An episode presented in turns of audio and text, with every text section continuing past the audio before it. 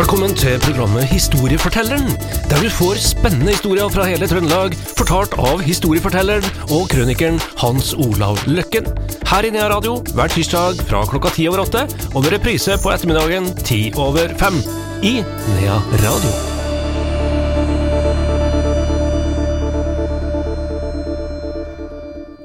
Velkommen tilbake til et nytt eh, program med historiefortelleren Hans Olav Løkken. Hans Olav, jeg har spekulert litt på det her uttrykket 'det skal en kule til en trønder'. Vi er veldig stolt av å være trøndere, vi da. Ja. Det er jo du som har blitt trønder etter hvert. ja, jeg, det var jo noen som sa til meg her en dag, da. Jeg var ute og holdt et foredrag, og så ble det prat om det her, og så sa jeg jeg regna meg som trønder, sa jeg. Nei, du er ikke trønder, fikk jeg klar beskjed om, for at du hører jo på tonefallet mitt at, Ja. at jeg kommer fra sørsida av fjellet. Her. Eh, Jo, jeg er trønder, så jeg har bodd nesten hele livet mitt på Trønder. Jeg bodde bare, bare 16-17 år på Domås i Gudbrandsdalen, så jeg er jo trønder, jeg, sa jeg. Nei, jeg var ikke trønder, jeg var Gudbrandsdølen.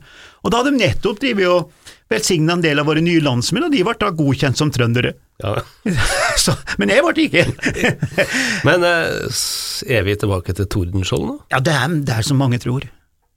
Jeg må vel kanskje innrømme at jeg trodde det for mange år siden sjøl òg. Det var ingen som hadde sagt noe til meg, jeg har ikke lært noe på skolen, men jeg har hørt det her uttrykket. Det er en tre-fire uttrykk som er veldig kjente.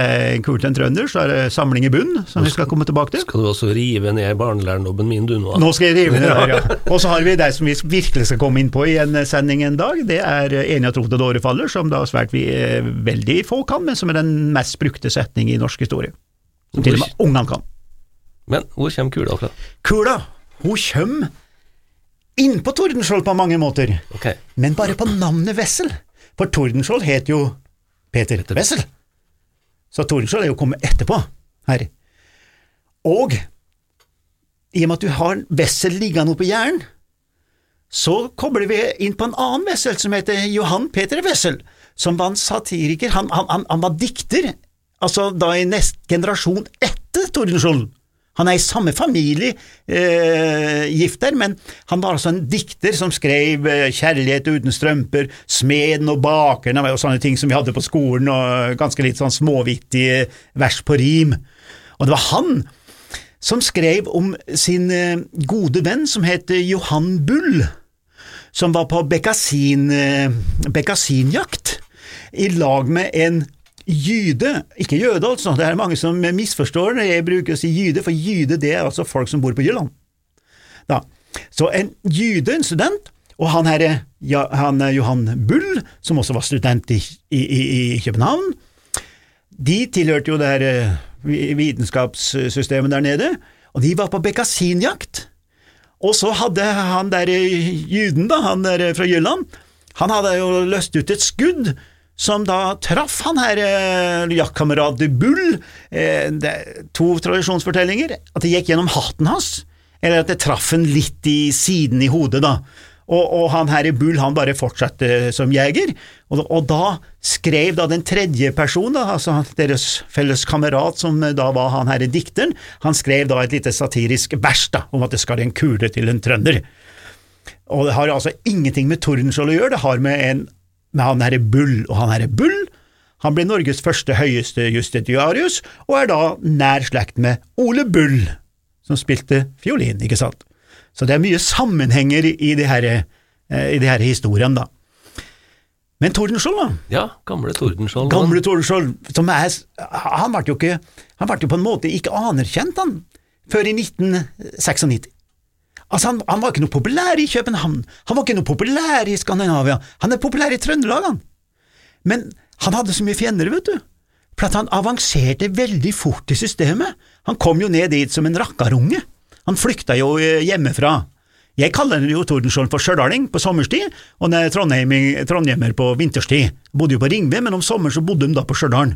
Og han for opp til Værnes hovedgård, rodde med båt, gikk i land på, land på Langøra, utkjempa slagene, vant alle slag sjøl, for han var jo alene på Langøra, og, og liksom trena seg opp da, til å bli en sånn Han hadde en drøm, så han satt og hørte på general von Schultz og de her store offiserene på Værnes hovedgård. Der satt han som en liten rakkarunge på ti år og tenker jeg skal ha mitt eget skip, jeg skal bli også general, og så stakk han av som 13-åring. Men det var to-tre av brødrene hans som gjorde det bedre enn han, Husk man var jo 17-18 unger. Det diskuteres om det var 17 eller 18, det har noe med at den ene ungen død, så, men eh, jeg tror vi kan si 18, da. Og eh, Han var jo nummer 14 i rekken, han er Tordenskjold. Men to av de brødrene hans Den ene ble jo uh, sjefskommandør for Peter den stores flåte, var med og bygde opp flåten i Russland for Peter den store. To andre brødre var med mot general Arnfeldt i Trøndelag. De lå, som, lå på to, hvert sitt skip utenfor uh, Munkholmen. Da. uh, og, og skulle bevokte Arnfeldt, og hadde også avansert fortere og bedre enn Tordenskjold, men Tordenskjold ble altså en helt på grunn av den derre Dynekil-affæren, som da hindra Karl 12. å gjøre sitt første inntog i, i, Norge og sånn, og hvor han da vel kanskje gjorde en liten sånn heltemodig innsats, og så lever han på det, da. Men det som er interessant med han her eh, Tordenskjold, er jo at han døde jo. Han ble altså han ble altså felt i en duell. I en duell? En duell. De fleste vil vel kanskje si at han ble myrdet, da. Mm -hmm. For Og hvorfor ble han myrdet? Eller hvorfor døde han, altså da i, i 1720 der? Etter, eh, jo, han Han eh, var litt sånn eh, patentlig, han der Tordenskjold, og, og så var det et lysthus, la vi si det bent ut, da en kombinasjon mellom kasino og hor horhus, da, la vi si det sånn. Okay, ja. La vi si det bent ut. Ja. Det var noe sånn utenfor en leir der, og der var det en, en, et fabeldyr eh, som noen hadde fått tak i, et fabeldyr med sju hoder. Her. Og dette brukte de for å lokke til seg folk, da. altså Nesten et slags dyr som var utstilt, kom hit, betal, skal du få se dette rare dyret. Og det mente da Tordenskjold ikke var gentlemansaktig. At man skal altså lokke til seg folk for at de skal komme inn og drikke og, og, og, og Unnskyld igjen, da, hore, ikke sant? Og han som hadde det her fabeldyret akkurat da, det var en oberst. En uh, oberst Stel von Holstein. Og de ble da uvenner i denne krangelen. Og han, obersten var med heller ikke så særlig blid på Tordenskjold i lag med de andre offiserene, fordi han hadde jo da passert over 50 offiserer i rang åka forbi i utnevnelse, ikke sant, så han var ikke noe populær, Tordenskjold. Så ble det utfordra til duell. Det var ikke lov til å ha duell, men de gjorde det likevel. Og der dukker det opp en adjutant til han her eh, Stefan Holstein. Han het Cicere, og denne Cicere, kjære lytter, han skal vi komme tilbake til senere i et program, for han mener mange også står bak mordet på, eller skuddet som felte da Karl 12. Altså, konspirasjonsteorier, det elsker folk, så det skal vi ta med. Men han herre Cicere dukker opp, og er adjutant for obersten, og så er det en eh, Mannhausen som, nei, som er sekundant for eh, Tordenskjold. Og så kommer poenget, at han herre Tordenskjold var den som skulle kunne få velge våpen. Det var jo sånn at noen kasta hansken, og noen fikk velge våpen. Ikke sant? Og det ble valgt korde. Og det er det ingen som skjønner, fordi at Tordenskjold brukte pistoler. Han kunne ikke fekte, sjøl om vi har sett den med sånn sverd oppe på tegninger ja, og sånn. Ja. Det var pistoler, så hvorfor valgte han ikke den kunna? Og han ble utrustet med en prydkorde. Prydkorde, det er det man har på uniformen, det den er jo så bare halvparten så lang som en ordentlig korde som man bruker i strid. Så når de da gikk mot hverandre, så var det bare ett støt, for at Tordenskjold nådde jo ikke fram med den lille pinnen sin i forhold til han oberst, som da stakk en og, og, og, og, drap en, da. Her. Så han døde altså i en arrangert duell, som kanskje var konspirasjonsteori igjen, kanskje planlagt for å ta livet av Tordenskjold, som var veldig upopulær.